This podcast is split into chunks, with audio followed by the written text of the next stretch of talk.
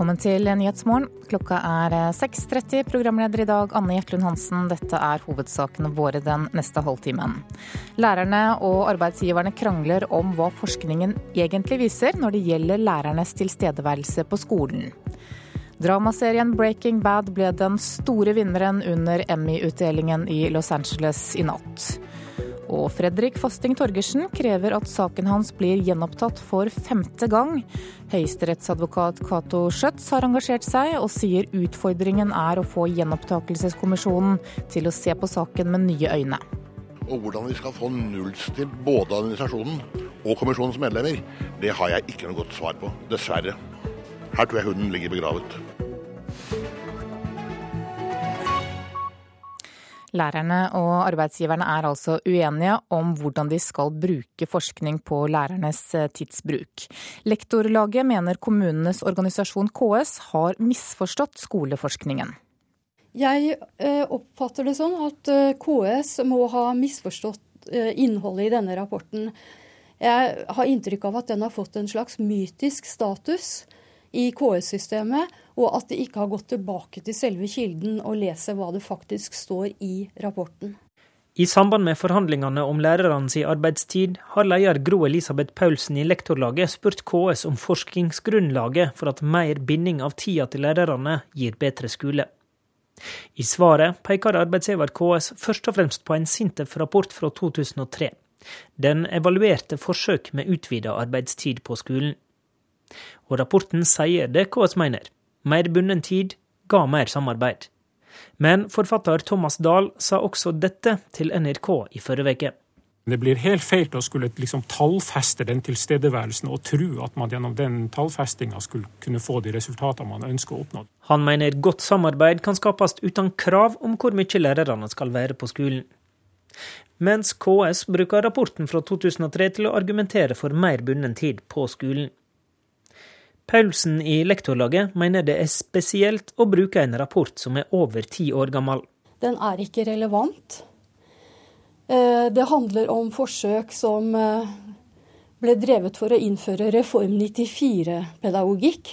Hun mener mye har skjedd i skolen på de åra. Vi har fått mer samarbeid i norsk skole siden den gang. Forhandlingsleder Per Kristian Sundnes i KS sier forskningsrapporten fra 2003 ikke er den eneste de ser på men at den er relevant. Den viser at eh, det er mange forutsetninger som skal til for å få en god samarbeidskultur, men tilstedeværelse er en av de. Og Det er også ganske entydige signaler på at en god samarbeidskultur, de som har det på en skole, og som samarbeider mer med hverandre, med ledelsen, med elevene og for den saks skyld foresatte, de får bedre resultater. Du mener egentlig det er på tide å gjøre de endringene som det blir argumentert for i forskninga fra 2003? Det er det vi sier i KS nå. altså Nå trenger norsk skole dette. Reporter det var Håvard Grønli. Og streiken i skolene nærmer seg nå et kritisk punkt for elevene. Det mener rektor ved Rotthaugen skole i Bergen. Han er en av flere rektorer ved skolen i Bergen som ber elevene lese skolebøkene på egen hånd, mens de venter på en løsning i konflikten. Rektor Atle Fasteland står midt i et berg med flere tusen skolebøker som skulle vært brukt til undervisning nå. Lærerne ved Rotthaugen ungdomsskole har nå streika i 57 dager. Og vi nærmer oss en sånn grense der det er en slags sånn Ikke bare ødelegger skolestarten, men du har tiendeklasser, du har eksamen, du har videregående elever, du har åttende trinn som skulle begynt for en uke siden. Nå begynner vi å nærme oss sånn punkt der vi bør komme oss i gang. I dag og i morgen kan elever komme til skolen og hente bøkene sine. Rektor rår dem til å lese på egen hånd. Det går utover elevene hver dag. Det, det er det. Og, og, vi kjenner godt på dette ansvaret. Vi lurer på eh, om de kjenner det stikker litt. Tillitsvalgt Roar Ulvestad kaller det et overtramp dersom rektorer oppmoder føresette til å starte privatundervisning. Det er å overgå en, en prinsipiell grense. Å gå aktivt ut og sende meldinger til, til foreldre og, og be dem om å hente bøker det er jo en underkjenning av det vi faktisk holder på med som lærere, så den liker vi ikke. NRK har kontakta alle 24 grunnskoler i Bergen som er ramma av streiken. Av de som har svara, har seks av ti skoler delt ut læreplaner og bøker til elevene. De siste fire av ti rakk aldri lage læreplaner før streiken. Det er jo ve veldig uh, fånyttes å dele ut uh, lærebøker, for det hviler på en litt gammel forestilling om at, at pensum ligger i lærebøkene, og det, det gjør det ikke. Etter halvannen måned med streik står striden fremdeles om det samme. KS ville ha mer pålagt arbeidstid i skolene.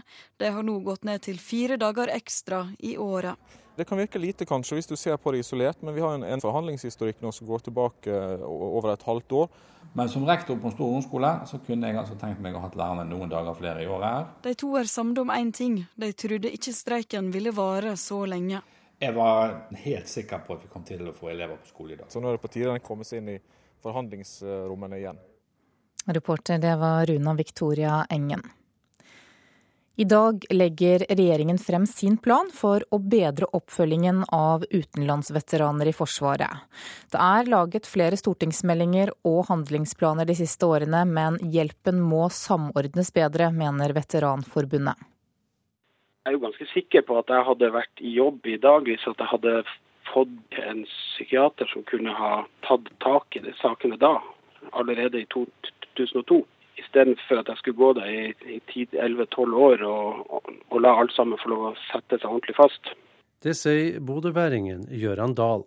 Han har slitt mentalt etter sine opplevelser fra Libanon og Kosovo, der han jobber med å fjerne miner og eksplosiver. Jeg har fått eh, stilt av diagnosen posttraumatisk stresslidelse.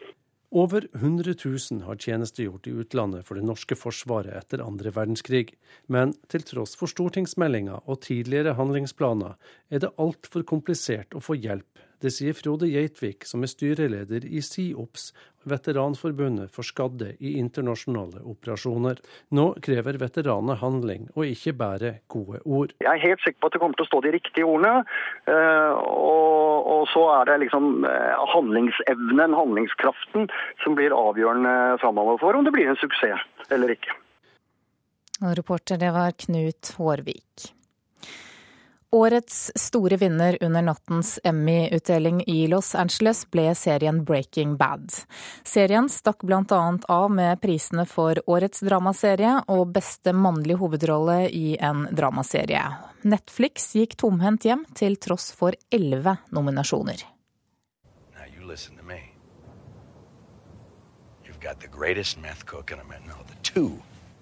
greatest with our skills, you'll earn more from that 35% than you ever would on your own. Brian Cranston, kjemilæreren Walter White som ble narkobaron, fikk takk for lang og underholdende tjeneste gjennom fem sesonger av dramaserien Breaking Bad. Ikke bare fikk han pris for beste mannlige hovedrolle, serien fikk Emmy for beste dramaserie, og Oren Paul vant pris for beste mannlige birolle som Jesse Pinkman. Skyler Walds kone i serien, spilt av Anna Gunn, fikk Emmy for beste kvinnelige birolle. Julia Louis Dreyfus for Veep.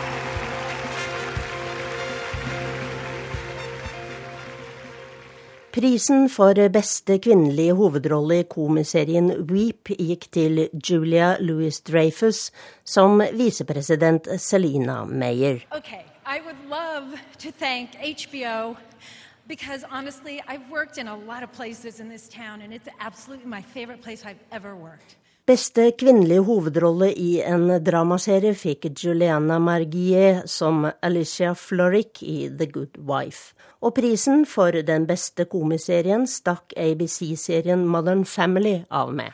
And the Emmy goes to The Normal Heart.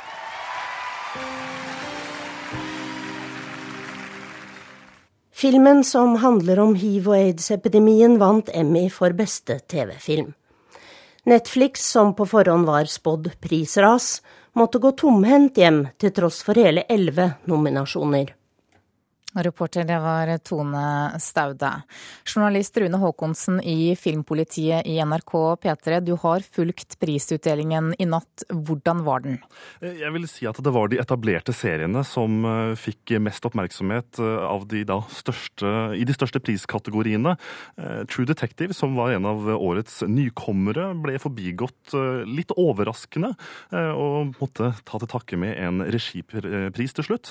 Så det var nok de etablerte seriene. og da da spesielt Breaking Bad som kunne hente hjem de aller gjeveste prisene.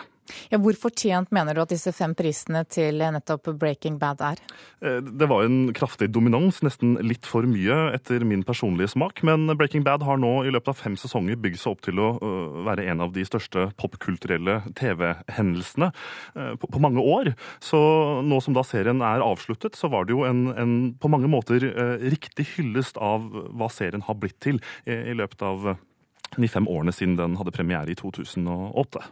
Som vi hørte i innslaget her, så gikk altså strømmetjenesten Netflix tomhendt hjem til tross for mange nominasjoner. Hvordan kan det ha seg? Eh, jeg syns det er overraskende. Eh, ble, altså Netflix ble kanskje rett og slett oversett i, i, jakten på å hylle de etablerte seriene som Modern Family og, og Breaking Bad. Men, men, men, det er overraskende at den ikke fikk noen priser, til tross for flere nominasjoner i både skuespillerkategoriene og da for både beste komiserie med Orange is the New Black, som jeg egentlig trodde ville vinne i den kategorien. Det var altså Modern Family som vant der også. Så, så jeg vil karakterisere det som ganske overraskende. Hvor viktig er Emmy da, sammenlignet med Oscar f.eks.? For Fortsatt er Oscar den viktigste prisutdelingen i, i, underholdningsbransjen i USA, men med den stadig skal vi si, eh, sterkere posisjon som TV-serien har fått de siste årene. Eh, både store skuespillere og regissører beveger seg nå over til TV-mediet i mye større grad. Det har nok gjort at Emmy eh, sin, sin, posisjon har vokst betydelig. Og jeg vil nok si at om få år kan nok også Emmy rivalisere Oscar-utdelingen med å være den viktigste underholdningsbegivenheten i Hollywood. Du sier at eh, prisutdelingen var litt kjedelig og satt, men hvordan var showet? Programleder Seth Myers var en familievennlig mann. Han, han vitset på trygt grunnlag, og det var ingen av de store skandalene som eh, i noen andre tilfeller har preget sånne utdelinger.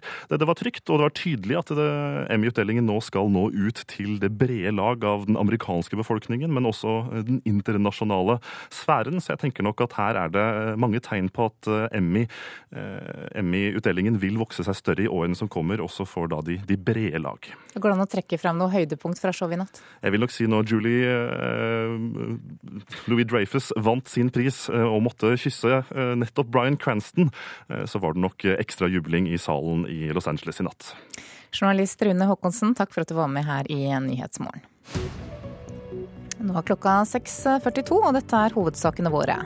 Lærerne og arbeidsgiverne er uenige om hvordan de skal bruke forskning på lærernes tidsbruk. Begge parter mener at den andre har misforstått. Veteraner som sliter med skader etter utenlandsoppdrag for Forsvaret, ber nå staten om bedre oppfølging. Og er det greit for en moteredaktør å skrive om kleskolleksjonene til venner i sitt eget blad? Det spørsmålet skal pressens faglige utvalg ta stilling til i dag. I morgen så skal kulturkomiteen på Stortinget møte Londons OL-arrangør. I løpet av høsten skal Stortinget avgjøre om et OL i Oslo i 2022 skal få statsgaranti, og i London håper de å lære av erfaringene til britene. Britain, we did it right. Thank you. Storbritannia, vi gjorde det riktig. Slik avsluttet Sebastian Coe OL i London for to år siden. Lederen for lekene var stolt av hva de oppnådde. Og i morgen skal Stortingets kulturkomité møte OL-arrangøren. Komitéleder Svein Harberg fra Høyre sier Londons erfaringer er verdifulle når norske politikere skal bestemme seg for om de vil ha et OL i Oslo. Jeg er veldig spent på hva de kan dokumentere i forhold til ettertid av ringvirkninger som, som peker direkte mot at de arrangerte et OL. Eh, for det, at eh, det blir en viktig del av begrunnelsen eh, i, også i Stortinget, tror jeg. Kulturkomiteen skal ikke møte noen av de som var kritiske til OL i London. Men Harberg forsikrer at de vil stille kritiske spørsmål og innhente andre synspunkter senere. Ja, Det tror jeg vi kommer til å gjøre. Det er vel eh, liten tvil om at OL er en av de sakene vi arbeider veldig mye med, både i partigruppene og den enkelte politiker. Og vi prøver å innhente alle syn og vinklinger i den saken for å gjøre et best mulig vedtak. Reporter, det var Anne Rognerud.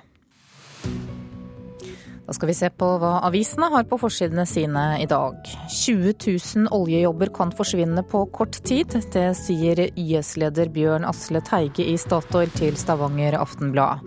Han advarer mot store kutt i oljebransjen.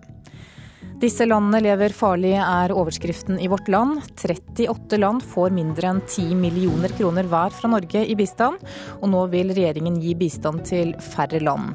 Kirkens Nødhjelp mener dette er symbolpolitikk, og forbereder seg på å miste flere prosjekter. VG skriver at overvåkingsbilder avslørte den 23 år gamle mannen som er siktet for å ha tatt livet av stefaren sin i Øyer i Oppland. 23-åringen meldte seg selv for politiet i Nederland i går, etter at politiet hadde lett etter ham i snart to uker. Og Ifølge VG så hadde politiet sikret seg overvåkingsbilder av mannen idet han går av toget på Oslo lufthavn Gardermoen dagen etter drapet. Lærerne har penger til å streike i månedsvis, det forteller Aftenposten i dag. Streiken koster lærerne 10 millioner kroner om dagen, men streikekassa er på godt over 700 millioner. I Bergen så har enkelte idrettsklubber fire fotballtreninger i uka for barn på seks år. Det skriver Bergens Tidende i dag. Når noen av barna er sugne på mer trening, så må vi strekke oss langt for å gi dem det. Det sier Frank Hellevik i FK Fyllingsdalen, men en forsker mener at foreldre heller må tenke på allsidighet. Klassekampen skriver at kulturministeren har fått med seg mediebedriftene på et bredt forlik om moms på aviser. Om fem år går momsen på digitale aviser ned til 8% mens papiravisene går fra 0 til 8 Gründer Idar Vollvik har mistet to sønner, og forteller om tapet og sorgen i Dagbladet i dag. Nasjonen skriver at en gammel bro kan stoppe gårdsdriften til melkebonde Alf Roger Arnø. I snart to tiår har han ventet på informasjon om når brua kan repareres. Og dersom brua ikke lenger tåler tunge lastebiler, så kommer ikke melkebilen til gårdene på Arnøy. Geir Lippestad kritiserer den norske flyktningpolitikken i Dagsavisen i dag. Han mener Norge er i ferd med å bli et sorteringssamfunn, og at hvilke flyktninger vi velger å ta imot viser det. Vi plukker vekk dem som trenger det mest, sier han. Mens Dagens Næringsliv forteller hvordan eieren av Hotell Continental i Oslo pleier gjestene sine. Da Rolling Stones besøkte Norge nylig, så kjøpte hun f.eks. ny sofa for at de skulle bli fornøyde.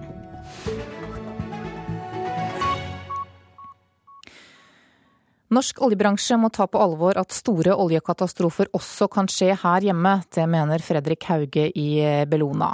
Organisasjonen har nettopp avsluttet sin egen gransking av ulykken i Mexicogolfen for fire år siden, og mener at tankegangen rundt beredskapen bør revurderes. Bølgene skvulper forsiktig mot båten der Fredrik Hauge i Bellona sitter.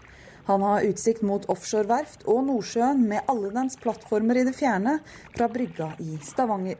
Foreløpig er han rolig, men han klarer ikke å legge skjul på at han mener vi alle bør være mer bekymra. Etter min mening så er dette virkelig et varsko om å drive oljeboring i sårbare områder. At konsekvensen av dette er langt større enn det vi har trodd. Han snakker om Mexicogolfen og ulykken på riggen Deepwater Horizon våren 2010. Fire år senere har Bellona dratt tilbake for å se hvordan situasjonen er nå. Han viser bilder av reker med svulster og krabber med ekstra klør, og henviser til fiskere de har snakket med at slik fangst kommer oftere nå enn tidligere. Nå vil han ha bedre beredskap i Norge for å hindre at noe lignende skjer her. Ja, det, det, gjør at vi må foreta helt andre risikovurderinger. For det første når det gis tillatelse til leting. Og, og hva for beredskap og hva for økonomisk erstatningsansvar oljeselskapene skal ha i slike saker. Ja, det er bra at vi har organisasjoner som Bellona og andre som maser på at industrien hele tida strekker seg mot eh, si, et bedre sikkerhetsnivå. Finn Karlsen står denne uka på stand for Petroleumstilsynet på oljemessa ONS. Men han jobber til daglig med sikkerhet på sokkelen. Selv om sannsynligheten er liten for at den skal få en stor katastrofe, eh, så er det jo veldig viktig at industrien har noen som eh, kan si, utfordrer dem, og som gjør at de strekker seg videre. Eh, for den dagen industrien er fornøyd med seg sjøl, den dagen bør alle være veldig bekymra. Fordi en trenger kontinuerlig å forbedre seg. BP, som var operatør på Macondo-feltet da Deepwater Horizon sank, har vært utilgjengelig for kommentar både for Bellona og for NRK. Reporter her, det var Inger Johanne Stenberg. Den danske vikarlegen som fikk sparken fra Nordfjord legevakt i Sogn og Fjordane fordi han var ruset på jobb, har fem ganger tidligere fått krass kritikk fra danske helsemyndigheter. De ansvarlige ved Nordfjord legevakt innrømmer at de ikke visste noe om dette da legen ble ansatt i januar i år. Og pasientombud Lisa Førde Refsnes er kritisk. De må sjekke referanser, de må stille spørsmål dersom det er hull i CV-er, de må sjekke dokument osv. Og, så og de må sjekke i systemene for å utelukke folk som ikke er kvalifiserte til jobben. Det var i tidsrommet desember 2007 til mai 2013 at den danske legen gjorde så mange alvorlige feil at han flere ganger fikk kritikk fra danske helsestyresmakter. Dette forteller assisterende fylkeslege Jakob Andersen. I vår sakshandsaming har vi slået opp navnet hans i offentlig tilgjengelige register i Danmark. Og øh, han har øh, om lag øh, fem klager der han har fått kritikk i Danmark. Kritikken går bl.a. på feiloperasjon av fingre, feilbehandling i samband med armbrudd, bruk av feil skrue i samband med operasjon i ankel og manglende journalføring. I januar i år fikk legen sparken fra Nordfjord legevakt etter at han var rusa på jobb. Kommunalsjef Rune Engeseth Eid, som er ansvarlig for legevakta, vedgår at de ikke visste noe om den krasse kritikken den danske legen har fått tidligere. Utover dette ønsker han ikke å kommentere saka. Heller ikke den danske legen ønsker å kommentere saka.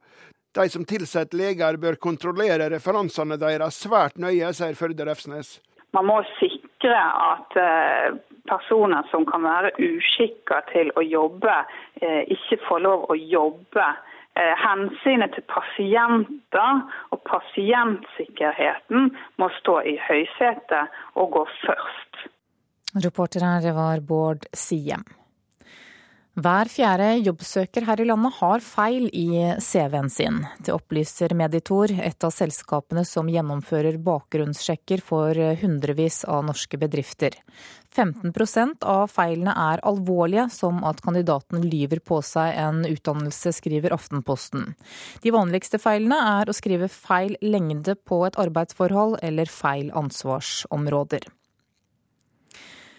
Fredrik Fasting Torgersen krever at saken mot ham blir gjenopptatt igjen, etter fire mislykkede forsøk på å bli frikjent for drapet som han ble dømt for i 1958. Denne gangen har høyesterettsadvokat Cato Schjøtz og advokat Pål Lorentzen påtatt seg å føre saken hans for gjenopptakelseskommisjonen. Fredrik Fasting Torgersen, som i 1958 ble dømt for drapet på 16 år gamle Rigmor Johnsen, har i alle år hevdet sin uskyld og en rekke forfattere, forskere og advokater har engasjert seg i saken hans fordi de er overbevist om at Torgersen er utsatt for et justismord. Men Høyesterett og senere Gjenopptakelseskommisjonen har til sammen fire ganger, senest i 2010, sagt nei til å gjenåpne saken.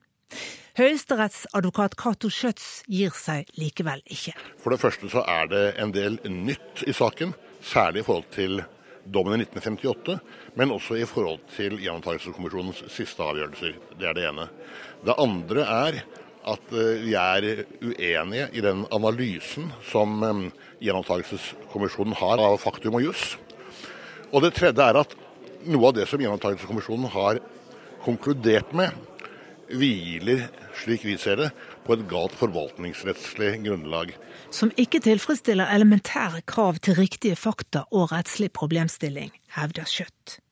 Og den store bøygen, mener han, blir å få gjenopptakelseskommisjonen til å se på saken med nye briller. Rent menneskelig så liker vi ikke å ta inn over oss at man har truffet et galt vedtak.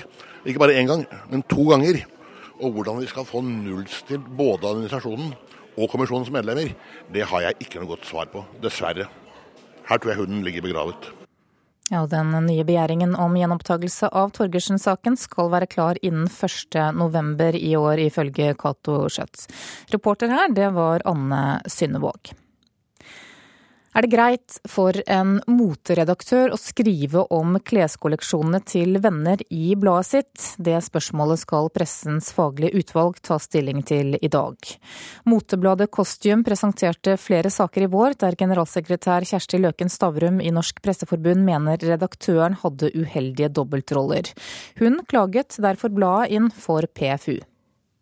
Altså I utgangspunktet så, eh, så er denne saken eh, mye mer interessant enn eh, bare en enkeltstående publikasjon i ukepressen. Fordi den handler egentlig om redaktører og deres omgang med venner. Og venners da interesse av å få medieomtale. 18 sider om bikinikolleksjonen til Jenny Skavlan. Ni sider om kleskolleksjonen til Pia Tjelta. Begge omtales i pressen som venninner av Vanessa Rudjord, som frem til mai i år var redaktør av motemagasinet Kostym. Rudjord viste i vinter også frem sin egen leilighet i en omfattende interiørreportasje, samtidig som hun la leiligheten ut for salg. Dette tolket Kjersti Løken Stavrum, generalsekretær i Presseforbundet, som tekstreklame og rolleblanding, og meldte bladet inn for pressens faglige utvalg. Inhabilitet er et, eh, er et, veldig vanskelig område, fordi Norge er lite, eller miljøene er små, og, og mange kjenner hverandre. og Derfor sier også Vær varsom-plakaten at man skal være synlig og tydelig eh, på rollene sine og, og, eventuelle bindinger. Og at det, eh, hvis man da har intervjuet f.eks. En, en venn, så er det ganske redelig å gjøre oppmerksom på at man er venner. Motejournalistikken er blant sektorene der forholdene er tettest og mest uoversiktlige for leserne, mener medieforsker Paul Bjerke ved Høgskolen i Volda. Han tror det har blitt sånn fordi leserne ikke bryr seg så mye om habilitet og troverdighet når det ikke gjelder viktige samfunnsspørsmål. Men han frykter hva utviklingen kan bety på sikt, dersom det får lov å fortsette. Når eh, inhabilitet og denne typen koblinger eh, hvis de blir akseptert sånn i underholdningsjournalistikken og liksom i den vesentlige journalistikkens ytterkanter, så kan det spise seg inn og svekke eh, tilliten til eh, all journalistikk. Derfor så er det viktig at dette diskuteres og tas opp. Moteviter og blogger Hanna Maria van Seip håper kostym blir felt i PFU i dag avgjørelsen må få eh, konsekvenser for eh, tette bånd i Mote-Norge. Eh, og konsekvenser for hvordan vi tenker om motejournalistikk. For i Norge er det nesten utelukkende estetikken som får oppmerksomhet i motebladene. Dersom motebransjen, som er blant verdens største industrier, møtes med seriøs og kritisk journalistikk, tror van Seip at det også vil bli mindre spillerom for tvilsomme forbindelser og skjult reklame. Nå går det ikke an å holde på sånn lenger. Nå må det en ganske grunnleggende endring til. Reporter det var Thomas Alvarstein Ove. Da skal vi se på et værvarsel som gjelder til midnatt. Langfjella kan vente seg skiftende bris i dag, opphold og en del sol, men mulighet for spredte ettermiddagsbyger. Fjellet i Sør-Norge unntatt Langfjella. Nordlig bris, spredte regnbyger, perioder med sol og lokal morgentåke. Østlandet nordlig bris. Spredte regnbyger nord i Oppland og Hedmark. Ellers stort sett opphold og perioder med sol, og utrygt for morgentåke. Telemark og Agder skiftende bris. Stort sett pent vær, men utrygt for ettermiddagsbyger i indre strøk. Vestlandet sør for Stad skiftende bris, nordvestlig frisk bris på kysten. Liten kuling nord for Sognefjorden. Utrygt for morgentåke, ellers pent vær. Kan hende ettermiddagsbyger i indre strøk. Møre og Romsdal og Trøndelag må belage seg på nordlig bris, frisk bris på kysten av Sunnmøre, enkelte regnbyger og lokal morgentåke.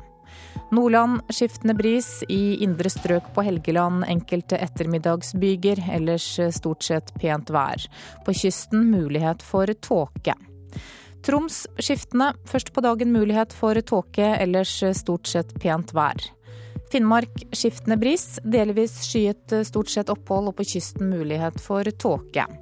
Og på Nordensjøland på Spitsbergen sørøstlig bris, litt regn av og til. Så tar vi med noen temperaturer som ble målt klokka fem. Da hadde Svalbard lufthavn fire grader, Kirkenes åtte, Vardø ti, Alta elleve, Tromsø åtte, Bodø elleve. Brønnøysund 10, Trondheim 11, Molde 10, Bergen 9, Stavanger 12, Kristiansand 8, Gardermoen 9, Røros 8, og på Oslo-Blindern så var det 9 grader klokka fem i morges.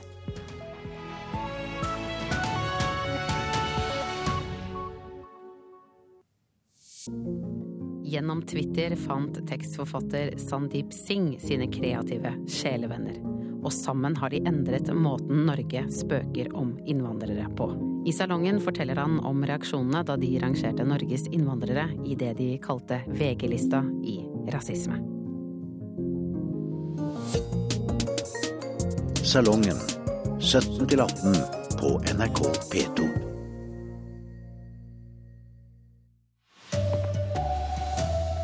Nordmenn har større tro på egen økonomi enn før. Og dramaserien Breaking Bad vant fem priser under nattens Emmy-utdeling. Her er NRK Dagsnytt klokka sju. Det er over 20 år siden nordmenn hadde like god fremtidstro på egen økonomi som de har i dag. Det kommer frem i Forventningsbarometeret for tredje kvartal, som er laget av Finans Norge i samarbeid med TNS Gallup. Men samtidig som vi ser lyst på framtiden, sparer vi som aldri før. Det sier administrerende direktør i Finans Norge, Idar Kreutzer. Det har vært en markert økning i sparingen de senere årene. Den ligger på et høyt nivå. Det er tre mulige forklaringer at når vi nå får økt økonomisk handlefrihet, så disponerer vi det på sånn måte at vi sparer til en regnværsdag.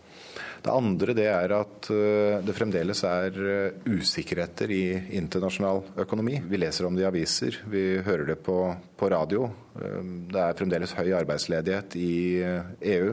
Den tredje muligheten det er rett og slett at man sier at vi har relativt mye gjeld i Norge. Det er et ganske høyt nivå på gjeld hos forbruker i husholdningene.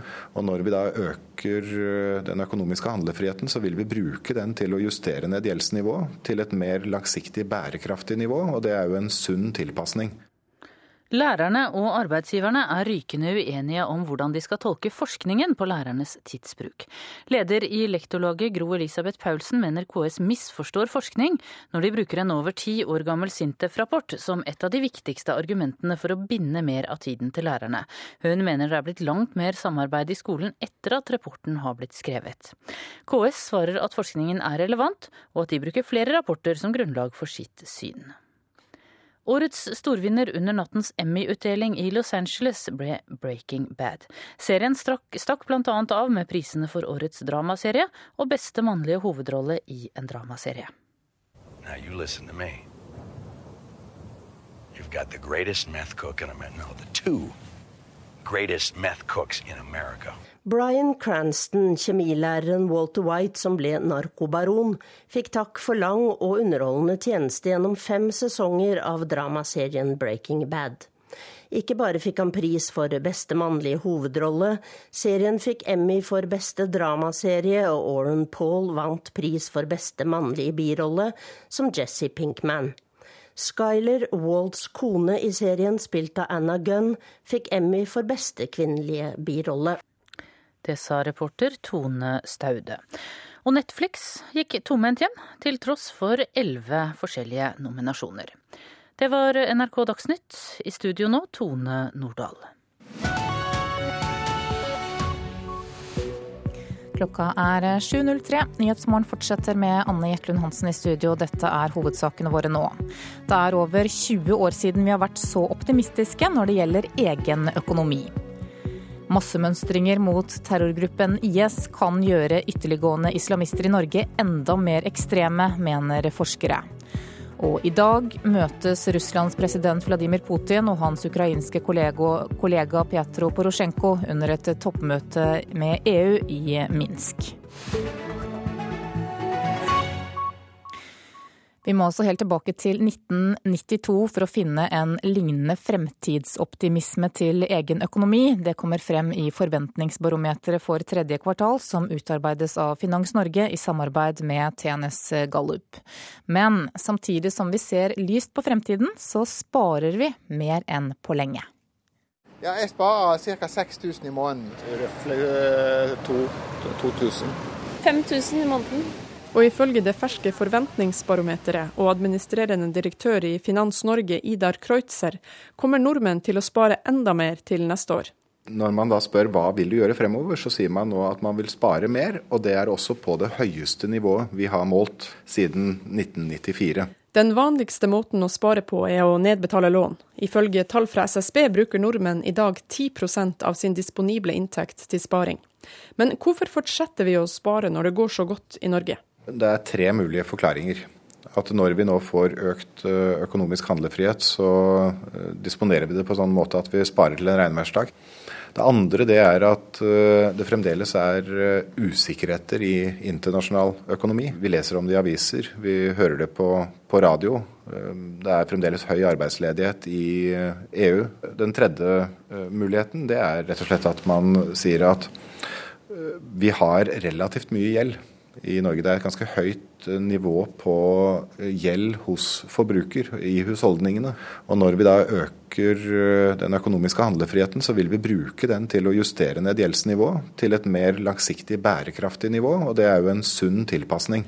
Og etter jappetida på 80-tallet, da vi forbrukte over evne, har spareiveren økt jevnt og trutt. Ser vi tallene fra gjennom 90-tallet og de siste 10-12 årene, så er det slik at vi har en høy sparerate. Eh, vi har hatt god inntektsutvikling, og man har brukt den inntektsutviklingen til å øke sin finansielle handlefrihet.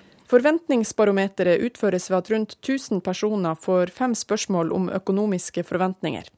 Når de blir spurt om de planlegger å gjøre større investeringer i fremtida, svarer de. Vi tolker tallene dit hen at forbrukeren sier at vi har rom for større anskaffelser.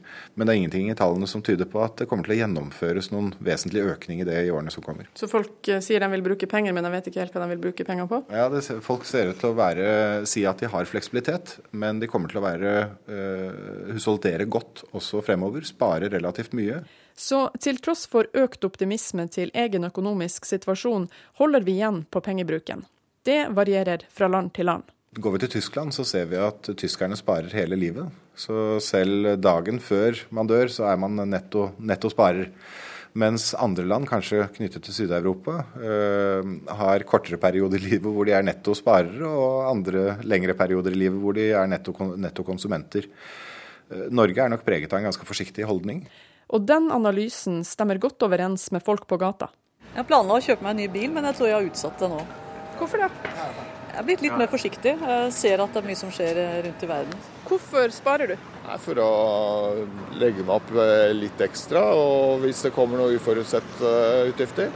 Det jeg ikke bruker, det blir jo spart. Altså det, det, er ikke noe planmessig, det er bare sånn jeg lever. Eh, altså, jeg tror jeg er veldig norsk der forsiktig optimist. Vi håper på det beste, så er vi forberedt på det verste. Reporter det var Eva Marie Bulai. Sjeføkonom Elisabeth Holvik i Sparebank1-gruppen, god morgen. God morgen. Det er altså over 20 år siden vi har vært så optimistiske når det gjelder egen økonomi. Eh, burde vi egentlig bruke litt mer penger i stedet for å spare, slik vi hører her? Nei, det vil ikke jeg oppfordre til. Eh, skal jo huske at vi kommer fra et nivå der en ikke sparte i det hele tatt, eh, inn i 2006-2007. Så det at vi nå har eh, økt sparinga og betaler litt ned på den høye gjelda som er i husholdningssektoren, det syns jeg er bare bra. Hva er den beste måten å spare på? I Norge så er det jo eh, De aller fleste sparer jo i egen bolig. Eh, og det å nedbetale litt på boliggjelda, det er jo bra. For da har en en eh, sikkerhet hvis det skulle skje noe med prisene eller en må flytte i framtida. Og så er det jo veldig greit å ha en, en konto med litt ekstra penger på hvis noe uforrett skulle skje. Vi har altså ikke vært så optimistiske på lenge når det gjelder egen økonomi. Hva er grunnen til det, tror du? Det tror jeg har veldig mye med renta å gjøre. Ehm, renta har jo vært rekordlav i Norge siden 2009. Eh, ekstraordinært lav. Og det gjør jo at eh, utgiftene våre til eh, lån er lav, samtidig som boligprisene har steget. Og etter nyttår i år så har jo bankene nå kommet på plass med de nye kapitalkravene. Og vi har på en måte blitt eh, forsikra om at rentene kommer til å være relativt lave ganske lenge.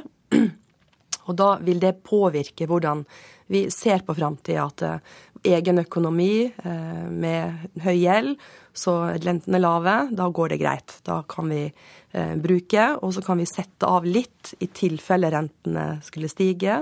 Eller vi kan betale ned litt ekstra nå når rentene er så ekstraordinært lave. Men er det ytre faktorer som gjør at vi bør dempe optimismen vår bitte litt?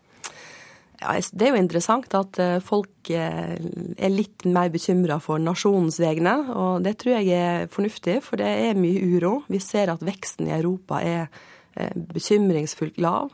Vi vet at det er konflikt med Russland. Det er mye som kan påvirke norsk økonomi i årene framover. Så at en er litt nøktern og, og har et litt sånn forsiktig syn på, på sparinga, det tror jeg er fornuftig. Og så skal en jo også huske at når renta er så lav, så får ikke en like mye igjen for, eh, som avkastning på sparepengene. Og da er det nok noen som tenker at det kan være lurt å eh, øke sparinga litt for å nå de sparemålene en har satt seg. Er det forskjellig når det gjelder aldersgruppe, hvordan vi tenker i forhold til dette? Ja, det er det. Eh, det er jo klart de som har mest, og som er godt voksne, de sparer jo mye mer. Men vi har sett en veldig økning i eh, at ungdom nå eh, holdt på å si, skjønner alvoret, er bekymra for boligmarkedet og begynner å spare tidligere. Så det er en økt bevissthet, vil jeg si, rundt sparing, og at en må legge av i gode tider til, som en forsikring, både når det gjelder til bolig, til pensjon og til å være trygg hvis noe skulle skje i framtida. Sjeføkonom Elisabeth Tollvik, takk for at du kom til Nyhetsmorgen. Massemønstringer mot terrorgruppen IS kan gjøre ytterliggående islamister i Norge enda mer ekstreme. Det mener både islamforsker Olav Elgvin ved forskningsstiftelsen Fafo og professor i statsvitenskap ved NTNU Anders Todal Jensen. I går viste nesten 5000 mennesker sin avsky mot IS og profetens umma under en demonstrasjon i Oslo.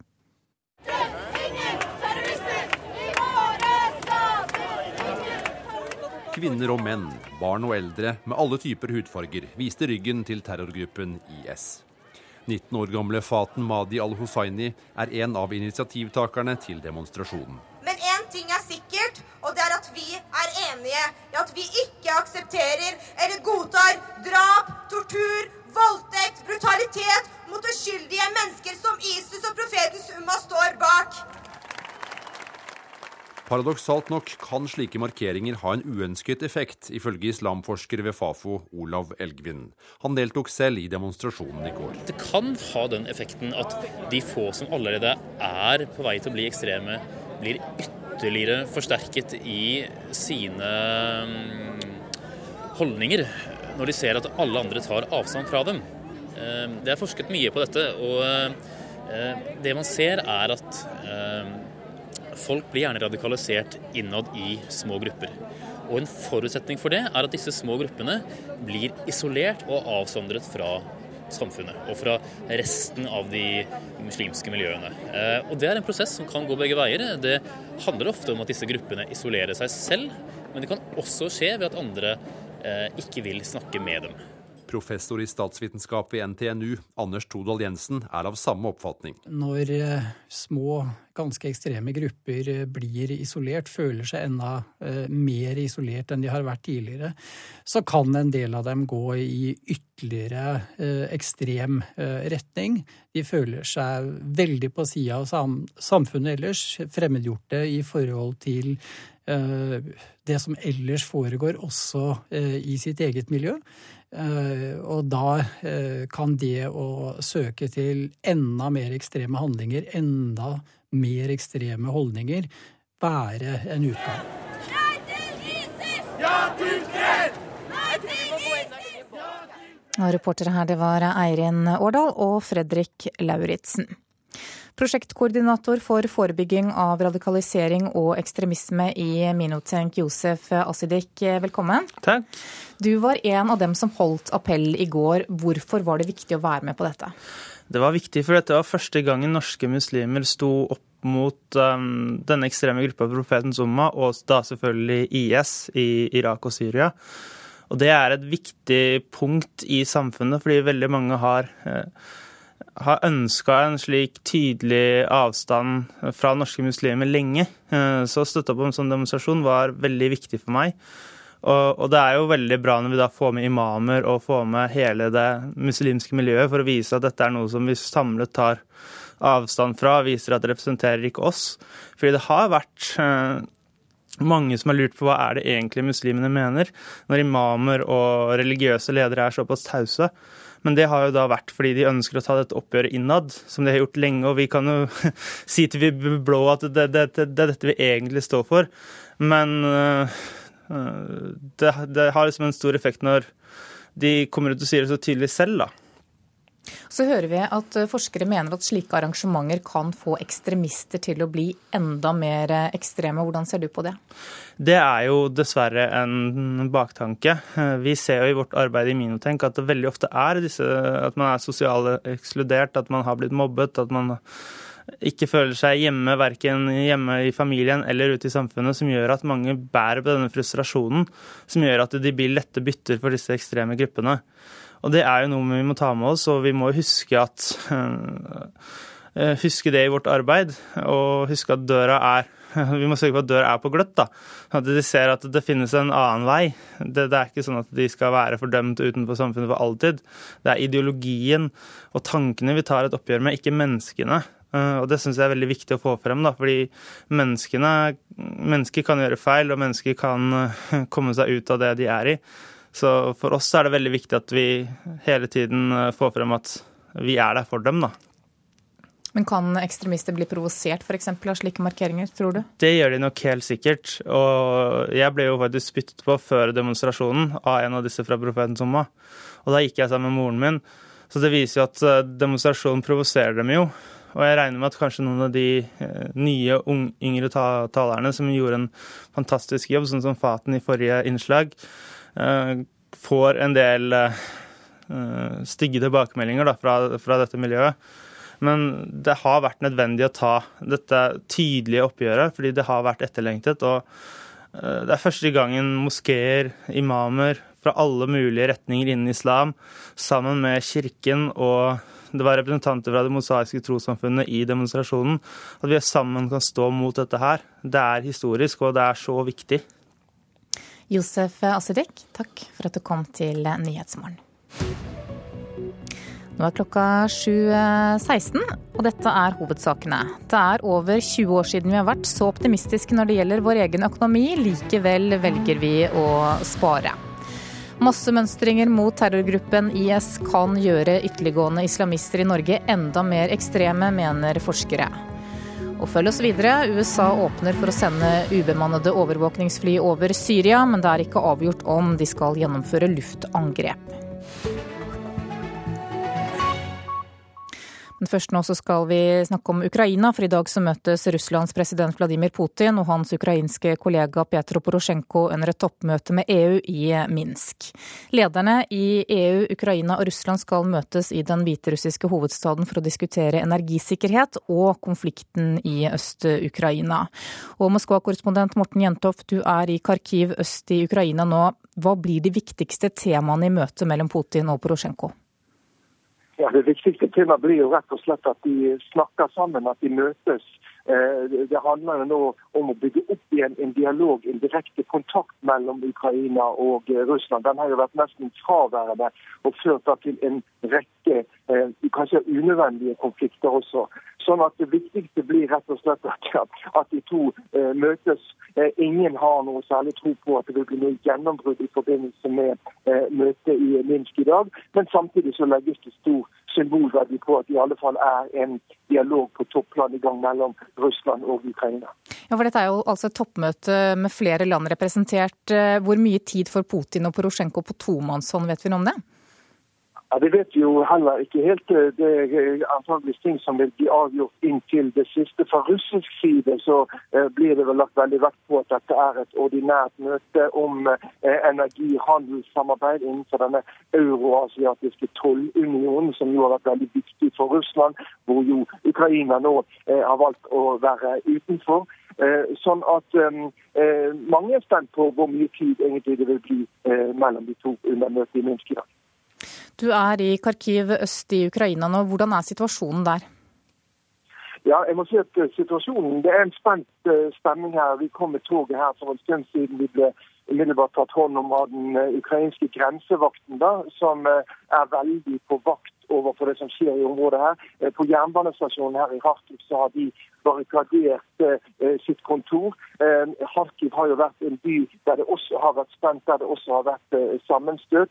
Sånn at situasjonen er spent, og mange ukrainere er selvfølgelig veldig, veldig på vakt overfor det som skjer nå. Og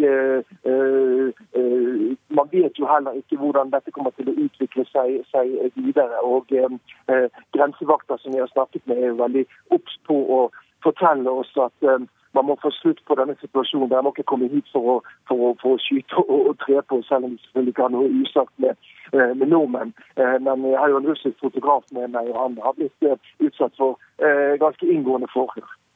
Ukrainske sikkerhetsstyrker sier at de i går kveld pågrep russiske fallskjermjegere på ukrainsk jord. Hva vet du om det?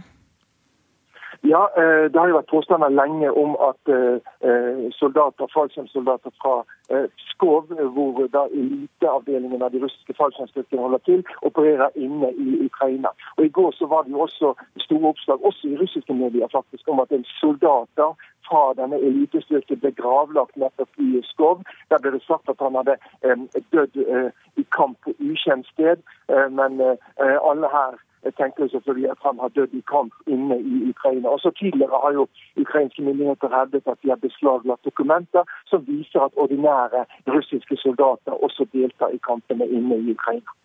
Takk skal du ha, Moskva-korrespondent Morten eh, Jentoft. USA åpner for å sende ubemannede overvåkingsfly over eh, Syria. Men amerikanerne har foreløpig ikke tatt stilling til om de skal gjennomføre luftangrep i eh, akbar.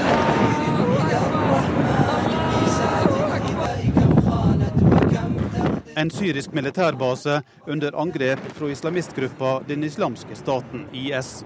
En ny video viser det som skal være et angrep i starten av august. IS opererer på begge sider av grensa mellom Irak og Syria.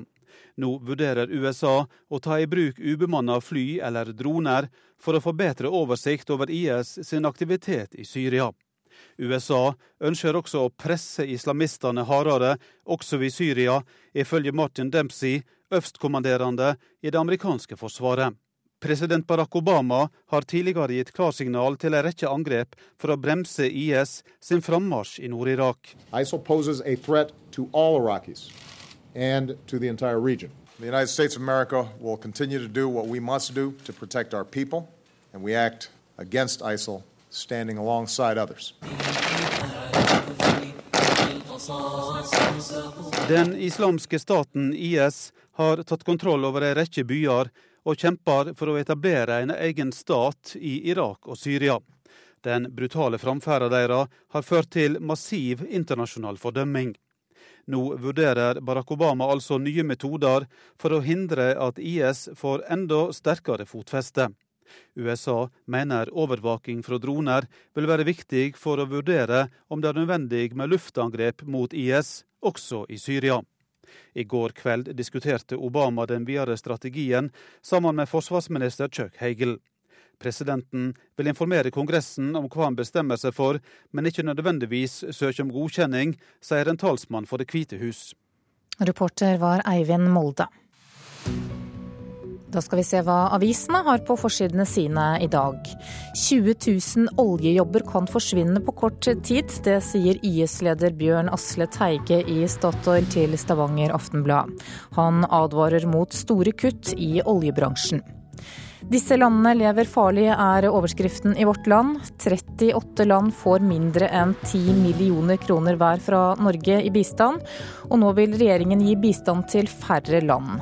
Kirkens Nødhjelp mener dette er symbolpolitikk og forbereder seg på å miste flere prosjekter.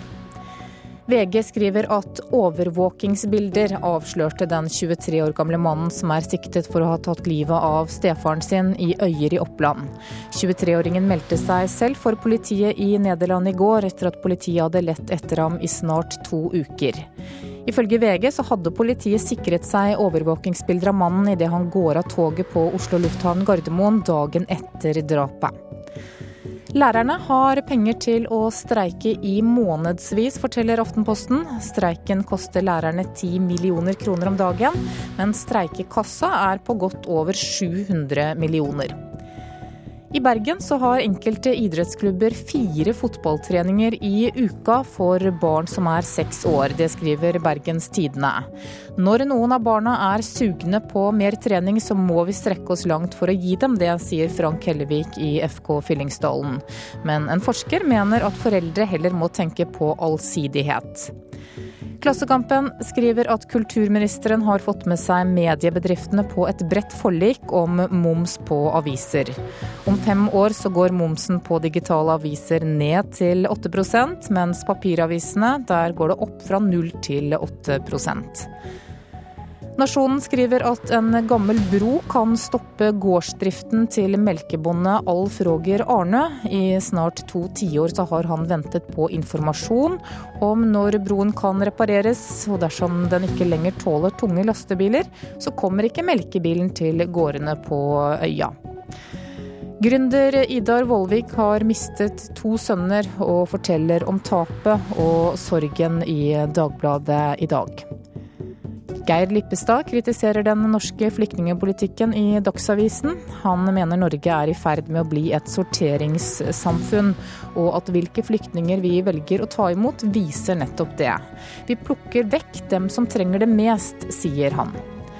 Mens Dagens Næringsliv forteller hvordan eieren av Hotell Continental i Oslo pleier gjestene sine. Da Rolling Stones besøkte Norge, så kjøpte hun f.eks. ny sofa for at de skulle bli fornøyde. Det er eh, rundt 7000 alvorlige trafikkulykker med personskade i Norge hvert eneste år. Det viser tall fra Statistisk sentralbyrå. Nå vil bilbergingsbransjen ha blålys og sterkere farger på redningsbilene sine for å bli bedre respektert av trafikantene, og for å komme raskere frem til ulykkene. Vi ønsker at folk skal respektere at vi jobber, og jobben vår er å hente den bilen som er stoppet, og at folk ikke viser respekt for oss for den jobben vi gjør. Det sier daglig leder i Egersund Bilberging, Jonny Brekket. Bare i Dalane er det årlig 3500 utrykninger med redningsbiler. Det kan være alvorlige ulykker. Det kan være dødsulykker, ja. Hvilken rolle har dere hvis det kommer først en sånn plass? Eh, det gjelder jo både for å sikre skadesteder og for å sikre hjelp til, til de som er med i bilen. Jonny Brekke snakker på vegne av bransjen. Siden 1993 har han jobba som bilberger. Og siden forskriftene om godkjenning og registrering av uttrykkingskjøretøy kom i 2002, har det ikke vært mulig å få bruke blålys. Steffen Merkesvik kjører daglig redningsbil i Egersund. Det står køer lang, lange veier, og du kommer deg ikke forbi. og det, det er lite forståelse? Det er lite forståelse blant andre bilister. Det er det. Og dere kan være avgjørende i livredning òg her? Det kan det òg være. Vi tilkaller diverse eh, ambulanse og politi. Hender det at du må utføre førstehjelp? Det kan hende. I forskriftene for Vegdirektoratet står det ikke noe konkret som forbyr bruk av blålys. Det er opp til politiet i hvert distrikt å gi tillatelse noe som i praksis ikke skjer. Det sier juridisk seniorrådgiver hos Statens vegvesen, Harald Gjelsvik. Den tidligere praktisering av regelverk rundt dette her, så var det sånn at eh, da var det Veidirekt, Veidirektoratet som eh, vurderte dette, og da ga vi ikke tillatelser eh, til dette. Nå er forskriften slik at det er opp til politiet å vurdere dette her på selvstendig grunnlag, men de har gitt mm. orientering om hvordan vi praktiserte det før. Eh, kommer til for at redningsbiler skal få lov til å bruke blålys? Det står jo tross alt ikke noe i forskriften om at det ikke er lov? Hvis det skal være et, at generelt at, at bergingsbiler eh, skal kunne få dette her, så må, må det klart en eh, forskriftsforandring til. Jeg har stått oppe på E39 og på ei lang slitte og tatt på en bil. og Da har bilen kommet og så snurta meg eh, i sida med speilet, der speilet ble slått inn. For Personen han så så veldig på det vi holdt på med at han ikke klarte å fokusere på å se framover. Så her var livet ditt i fare? Her var, Det var bare millimeter om at det ikke smalt og gikk galt. Hva er det dere ønsker? Eh, vi ønsker at vi skal bli sett på veiene.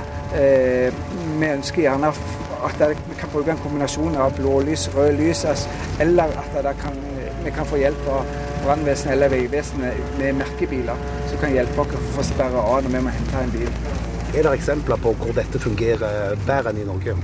I Danmark og Sverige så fungerer det veldig godt. Der er det veldig store ressurser til å settes i gang for å kunne gjøre dette, men ikke i Norge. Danmark har de beine veier. I Norge har vi krokete svinger og fjellnabber og forskjellige ting overalt. Reporter det var Øystein Ellingsen. Du lytter til Nyhetsmorgen. Klokka nærmer seg 7.30 og Dagsnytt. I reportasjen etter det så skal vi til Ferguson i USA, der drapet på en tenåring har synliggjort at raseskillet fortsatt lever i beste velgående. Og til Politisk kvarter klokka 7.45 så kommer Arbeiderpartileder Jonas Gahr Støre, som gir ut bok i dag. Produsent for Nyhetsmorgen var Eli Bjelland, og her i studio Anne Jetlund Hansen.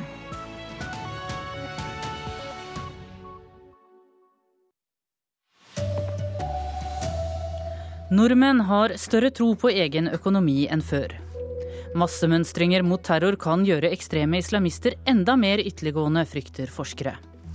Og dramaserien Breaking Bad ble nattens store vinner under Emmy-utdelingen. God morgen, her er NRK Dagsnytt, klokka er 7.30. Det er over 20 år siden nordmenn hadde like god fremtidstro på sin egen økonomi som i dag. Det kommer frem i Forventningsbarometeret for tredje kvartal, som er laget av Finans Norge i samarbeid med TNS Gallup. Men samtidig som vi ser lyst på fremtiden, sparer vi som aldri før, sier administrerende direktør i Finans Norge, Idar Kreutzer. Ja, jeg sparer ca. 6000 i måneden. Røftlig 2000. 5000 i måneden. Og ifølge det ferske Forventningsbarometeret og administrerende direktør i Finans Norge, Idar Kreutzer, kommer nordmenn til å spare enda mer til neste år. Når man da spør hva vil du gjøre fremover, så sier man nå at man vil spare mer. Og det er også på det høyeste nivået vi har målt siden 1994. Den vanligste måten å spare på er å betale ned gjeld. Ifølge tall fra SSB bruker nordmenn i dag 10% av sin disponible inntekt til sparing. Men hvorfor sparer vi så mye? Det er tre mulige forklaringer. At når vi nå får økt økonomisk handlefrihet, så disponerer vi det på sånn måte at vi sparer til en regnværsdag. Det andre det er at det fremdeles er usikkerheter i internasjonal økonomi. Vi leser om det i aviser, vi hører det på, på radio.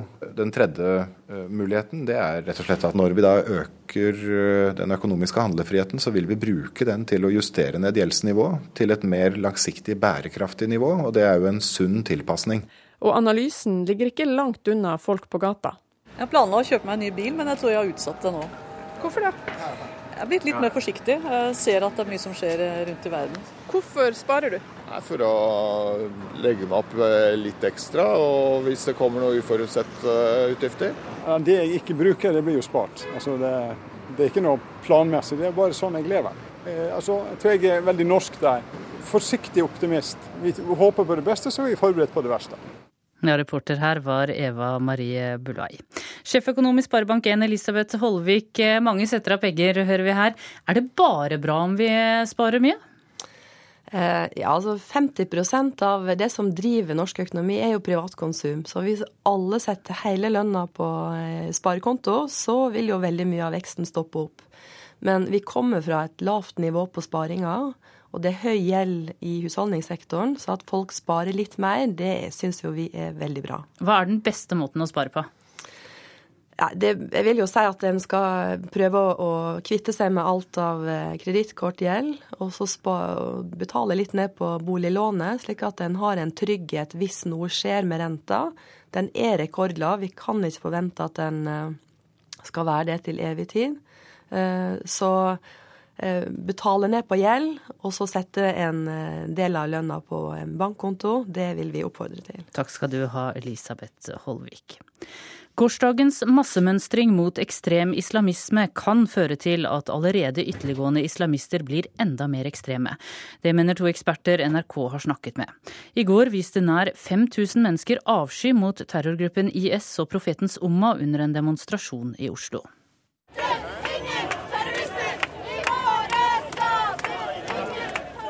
Kvinner og menn, barn og eldre med alle typer hudfarger viste ryggen til terrorgruppen IS.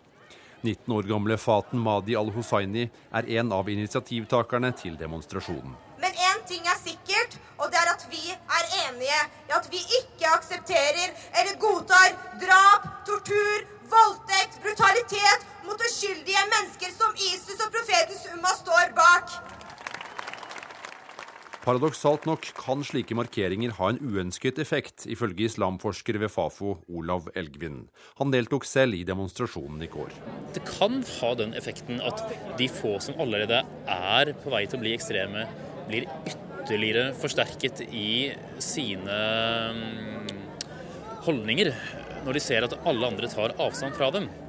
Professor i statsvitenskap ved NTNU, Anders Todal Jensen, er av samme oppfatning. De føler seg veldig på sida av sam samfunnet ellers, fremmedgjorte i forhold til uh, det som ellers foregår også uh, i sitt eget miljø. Uh, og da kan det å søke til enda mer ekstreme handlinger, enda mer ekstreme holdninger, være en utgang.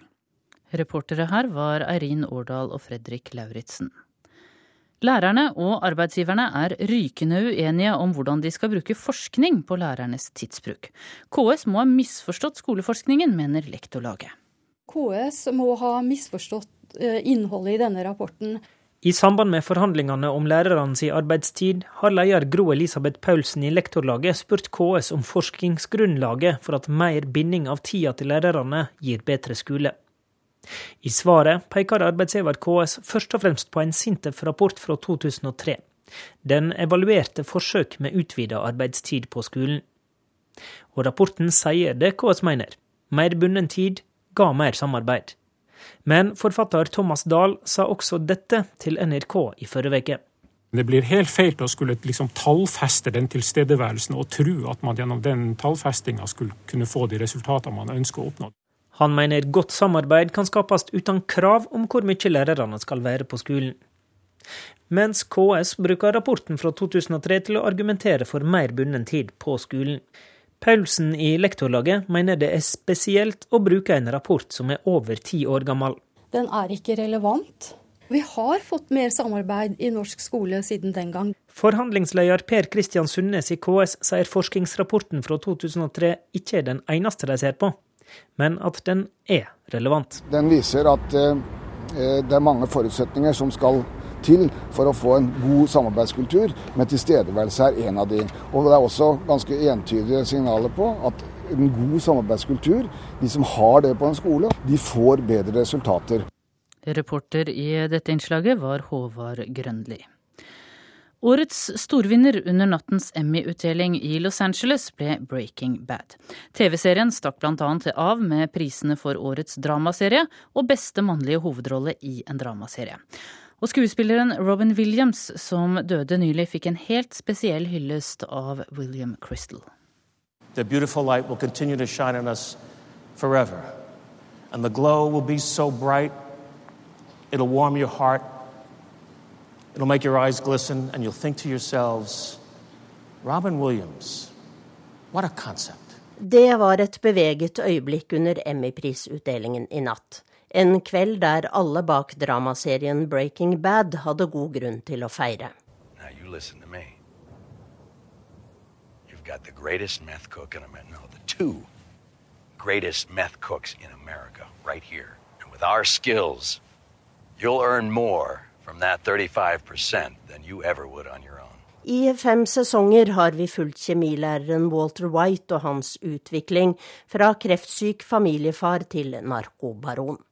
Under årets Emmy-prisutdeling fikk Bryan Cranston Emmy for beste mannlige hovedrolle, og serien Breaking Bad ble årets beste dramaserie. Netflix-serien Orange is the New Black var favoritt til prisen for beste komiserie, men ble slått av ABC-serien Modern Family. Julia Louis-Dreyfus fikk Emmy for beste kvinnelige skuespiller i komiserien Weep. And the Emmy goes to Julia Louis-Dreyfus for Veep. Og Jim Parsons var beste mannlige skuespiller som Dr. Sheldon Cooper i komiserien The Big Bang Theory. Reporter her var Tone Staude. I morgen skal kulturkomiteen på Stortinget møte arrangørene av London-OL. I løpet av høsten skal Stortinget avgjøre om et OL i Oslo i 2022 skal få statsgaranti, og nå håper kulturkomiteen å lære av britene. Britain, we did it right. Thank you. Storbritannia, vi gjorde det riktig. Slik avsluttet Sebastian Coe OL i London for to år siden. Lederen for lekene var stolt av hva de oppnådde. Og i morgen skal Stortingets kulturkomité møte OL-arrangøren. Komitéleder Svein Harberg fra Høyre sier Londons erfaringer er verdifulle når norske politikere skal bestemme seg for om de vil ha et OL i Oslo. Jeg er veldig spent på hva de kan dokumentere i forhold til ettertid av ringvirkninger som, som peker direkte mot at de arrangerte et OL. Eh, for det, at eh, det blir en viktig del av begrunnelsen eh, i, også i Stortinget, tror jeg. Reporter var Anne Rognerud. Ansvarlig for Dagsnytt denne morgenen er Elin Pettersen. Det tekniske ansvaret har Frode Thorshaug. Her i studio Tone Nordahl.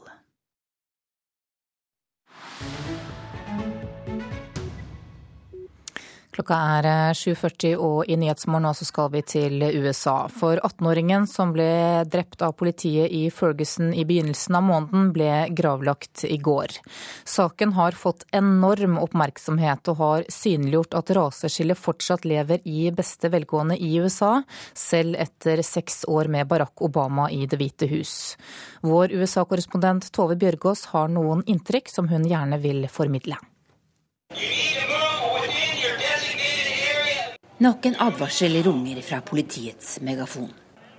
40-50 politifolk peker på litt flere svarte ungdommer med geværene sine. De løfter armene. Henda i været, ikke skyt. Noen av dem er bare barn. Det er forstyrrende å se på. Hjelper det at det er millioner som gjør nettopp det? Alle USAs viktigste kameralamper har vært her i Ferguson mens politiet beveger seg mot demonstrantene, løper CNNs programleder Jake Tapper etter. Han er på direkten med den røde mikrofonen sin. Kampen mellom demonstranter og politi bølger fram og tilbake. Flere hundre journalister følger med fra sidelinja. Rapporterer om hver pasning, hvert overtramp, hvert gule kort og hvert røde. Dem har det vært flere av. En politimann ble suspendert etter at han pekte på demonstrantene med automatvåpenet sitt og sa han skulle drepe dem alle sammen. Darren Wilson, som skjøt Michael Brown, er naturlig nok også tatt ut av tjeneste. Men politibetjent Flanagan har holdt seg på matta. Jeg får ikke lov til å ta bilde av ham, men han slår gjerne av en prat foran politibilen sin litt i utkanten. Han er både sliten og trist. Vi er ikke fæle folk, sier han. Vi forsøker bare å gjøre jobben vår. Jeg spør om Ferguson. Hva slags sted er dette egentlig? Han forteller om en typisk lavere middelklasseforstad som mange flyttet fra på 1980- og 90-tallet, da det ble bygget nye forsteder med større hus litt lenger nord for St. Louis. Afroamerikanere flyttet inn i de tomme husene. Så ble sosialboligene bygget. Det er et typisk problemområde, sier han. Masse crack-salg der borte. Flanagan peker mot gata der Michael Brown ble skutt. Burde det være flere svarte politifolk her? Sikkert, sier han. Nøler han med å bruke våpenet sitt når han er på patrulje? Jeg har bare én regel. Jeg skal levende hjem fra vakt, sier Flanagan. Ferguson finnes mange steder i USA. Et sted der svart ungdom føler seg diskriminert av politiet en getto den hvite majoritetsbefolkningen i St. Louis aldri besøker. Men mange hvite jeg snakker med, er oppriktig lei seg over det som har skjedd. De er høflige og vennlige. De vil ikke at byen deres skal få stempel som et konfliktområde. Men de gamle rasemotsetningene, USAs eldste og dypeste, lever i beste velgående. Selv ikke en mørkebrun president med en afroamerikansk svigerfamilie har endret det. Barack Obama har gitt unge svarte menn større selvrespekt. Men den sosioøkonomiske utviklingen som gjør at Ferguson finnes så mange steder her i landet, vil han ikke klare å snu. De svarte er fortsatt nederst på rangstigen. Det er de som bor i sosialboligene, fyller fengslene og topper arbeidsledighetsstatistikken. Og mens ferske immigranter fra Afrika kravler seg mot den amerikanske drømmen, blir afroamerikanerne værende på bunnen. USA sliter med å forandre det som gjør Ferguson så typisk amerikansk. Klokka er 7.44. Eh, du lytter til Nyhetsmorgen. Dette er våre hovedsaker. Det er over 20 år siden vi har vært så optimistiske når det gjelder egen økonomi. Massemønstringer mot terror kan gjøre ekstreme islamister enda mer ekstreme, frykter forskere. Og i dag møtes Russlands president Vladimir Putin og hans ukrainske kollega Petro Porosjenko under et toppmøte i Minsk. Klokka er, eller i hvert fall nærmer seg 7.45, og det er klart for Politisk kvarter ved Per Arne Bjerke.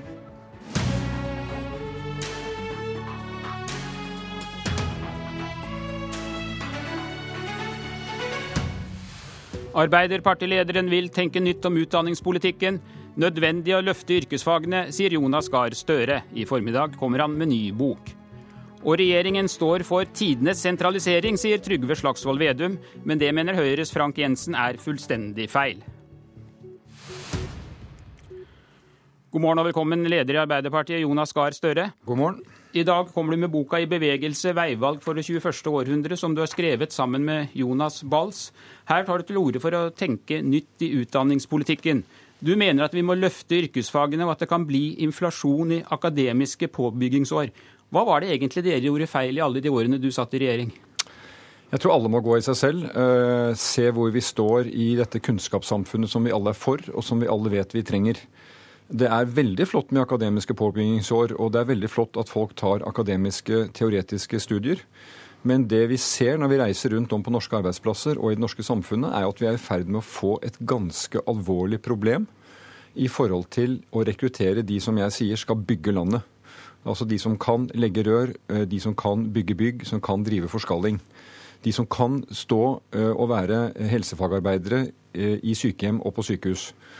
Og jeg tror at eh, dette er et veldig sammensatt eh, tema. Eh, vi skal gå i oss selv. Ingen kan si at de ikke har gjort noe feil. Men det er helt åpenbart at i løpet av et kvart århundre, tror jeg, så har vi fått en mm. utvikling som henger sammen med mange forhold i samfunnet som har gjort oss veldig sårbare. Og hvis vi tror vi skal løse disse oppgavene, som er viktige, avanserte byggeoppgaver, som jeg kaller dem, så kan vi ikke belage oss på at det skal gjøres av kortvarig innvandring fra arbeidsinnvandrere fra Europa. Vi må også tenke hvordan vi motiverer vår egen ungdom til å velge slike fag. Ja, Vi kan jo komme til å mangle 90 000 fagarbeidere om bare ti år. Hvordan skal vi da komme ut av denne situasjonen? Altså, jeg mener at Hadde vi hatt denne situasjonen innen f.eks. medisin, så hadde vi slått alarm.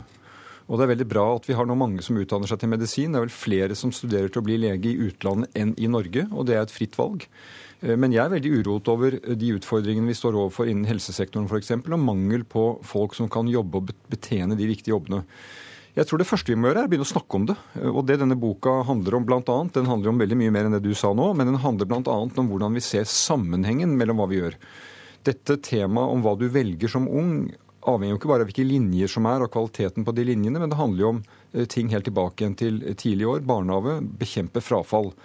Men det første vi kan gjøre, er å framsnakke disse fagene, vektlegge betydningen av dem. Jeg var på en videregående skole i Trondheim på fredag og møtte flott ungdom som valgte uh, yrkesfag. Og det å løfte dem fram, vise hva det er, og at det stort sett er jobber med sikker jobb uh, som venter dem, det er et første skritt. Ja, Men her står du vel overfor en ganske stor motiveringsoppgave. for Hvordan skal du da overbevise skolemotivert ungdom at, om at samfunnet har like god bruk for faglærte tømrere som en med mastergrad i filosofi? Du vet, Der er det ikke sånn at du bare snur dette som et stort skip med en krapp sving. Men det handler jo om å erkjenne hva som skjer i samfunnet. Og, og jeg, jeg leser og ser nå illevarslende tegn om at du får et frafall midt i yrkeslivet eller på slutten av yrkeslivet blant mange av disse dyktige fagarbeiderne og mangel på rekruttering inn. Og På et eller annet tidspunkt så blir det et ganske kritisk punkt.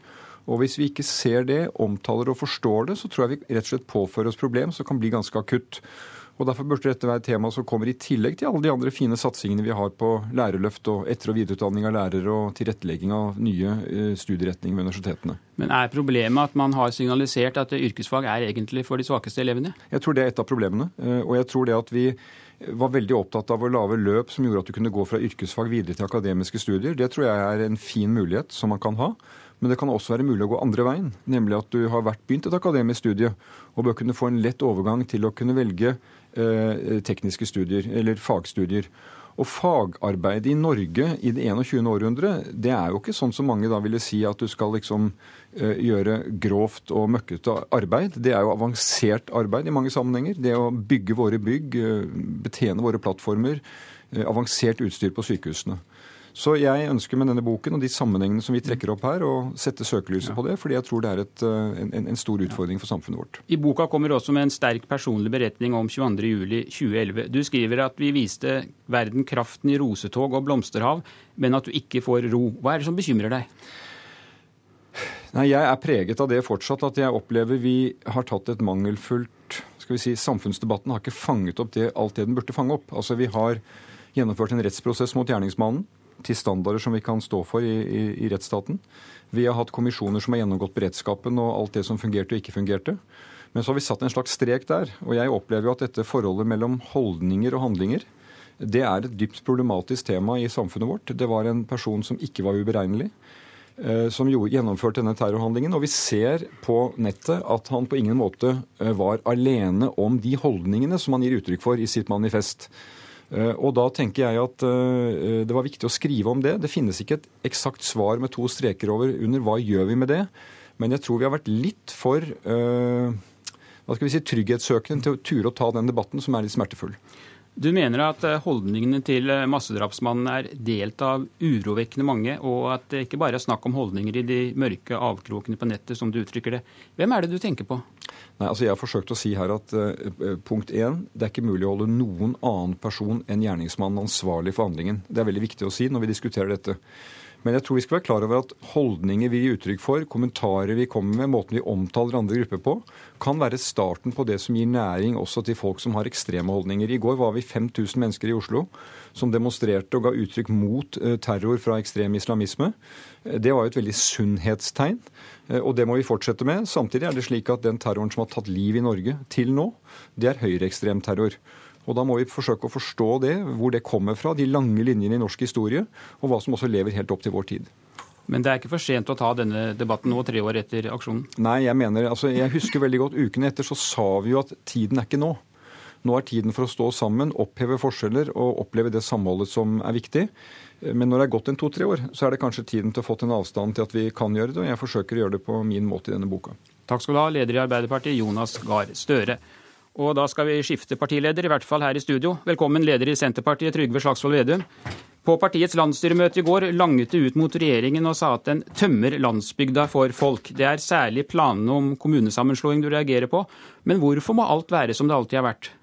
Det vil alltid være endring, men den prosessen som regjeringa nå legger opp til, vil føre til en massiv sentralisering.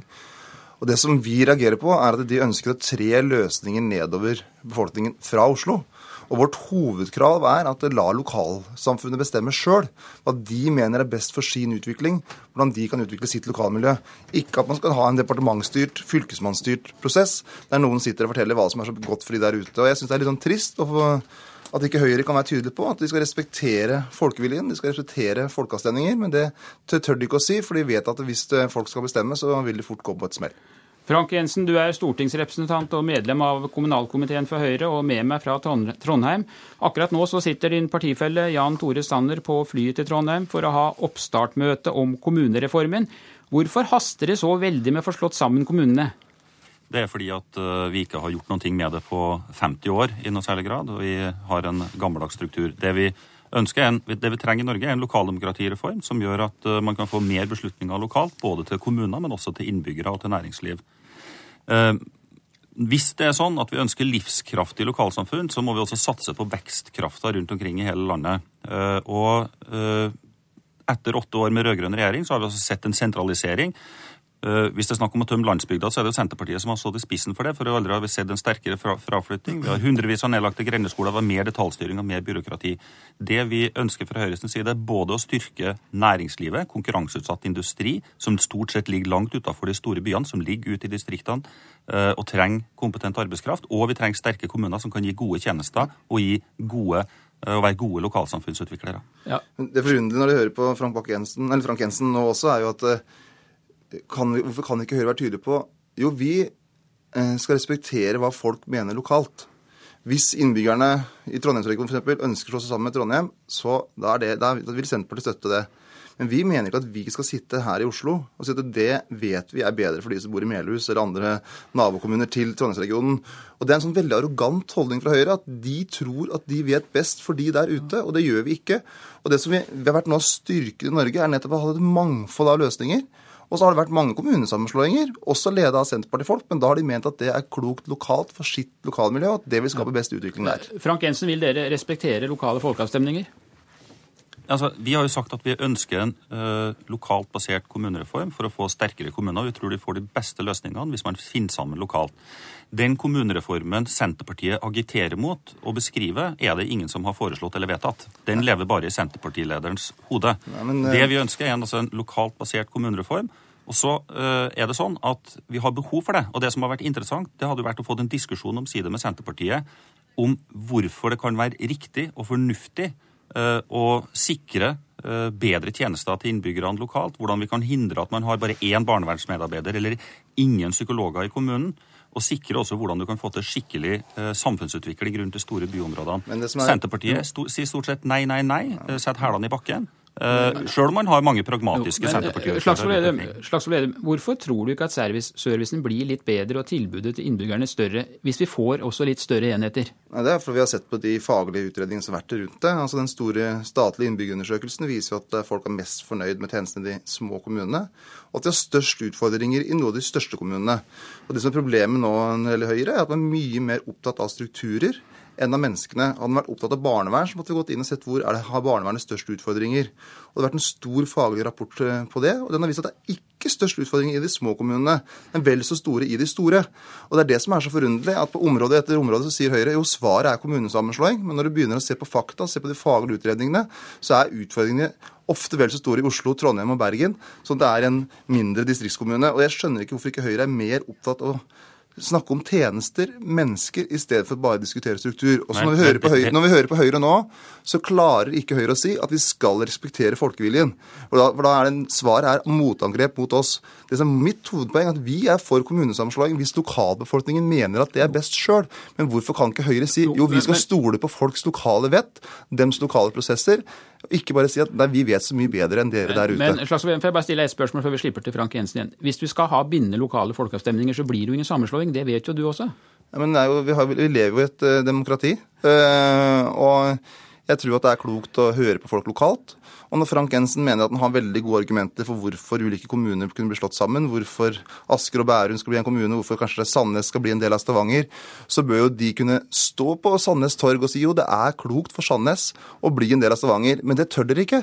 For dere vet at dere har ikke gode nok argumenter, men at det er, et sånn gedigent sentraliseringsprosjekt som ligger bak. Frank Jensen? Jeg, igjen, det er faktisk sånn at vi uh, på Stortinget skal ikke sitte og tegne det nye kommunekartet. Det har vi utfordra norske kommuner til å gjøre sjøl. Det er jo tillit til lokaldemokratiet og vise det. Så har vi sagt at i unntakstilfeller så, så, så, har vi sagt det at, og det tror jeg Senterpartiet også må være villig til å innrømme, hvis det er sånn at en fire-fem kommuner i et område sier at ja, her er det faktisk veldig fornuftig, og vi kunne styrke oss sjøl ved å slå oss sammen, og fire av fem var enig i det, og én satte seg på bakbena og torpederte hele, så har vi sagt at ja, da kanskje skal det være mulig å si at vi skal ta hensyn til alle innbyggerne i hele det området. Men når vi ønsker en lokalt basert reform, så er det fordi at vi tror de får de beste løsningene da.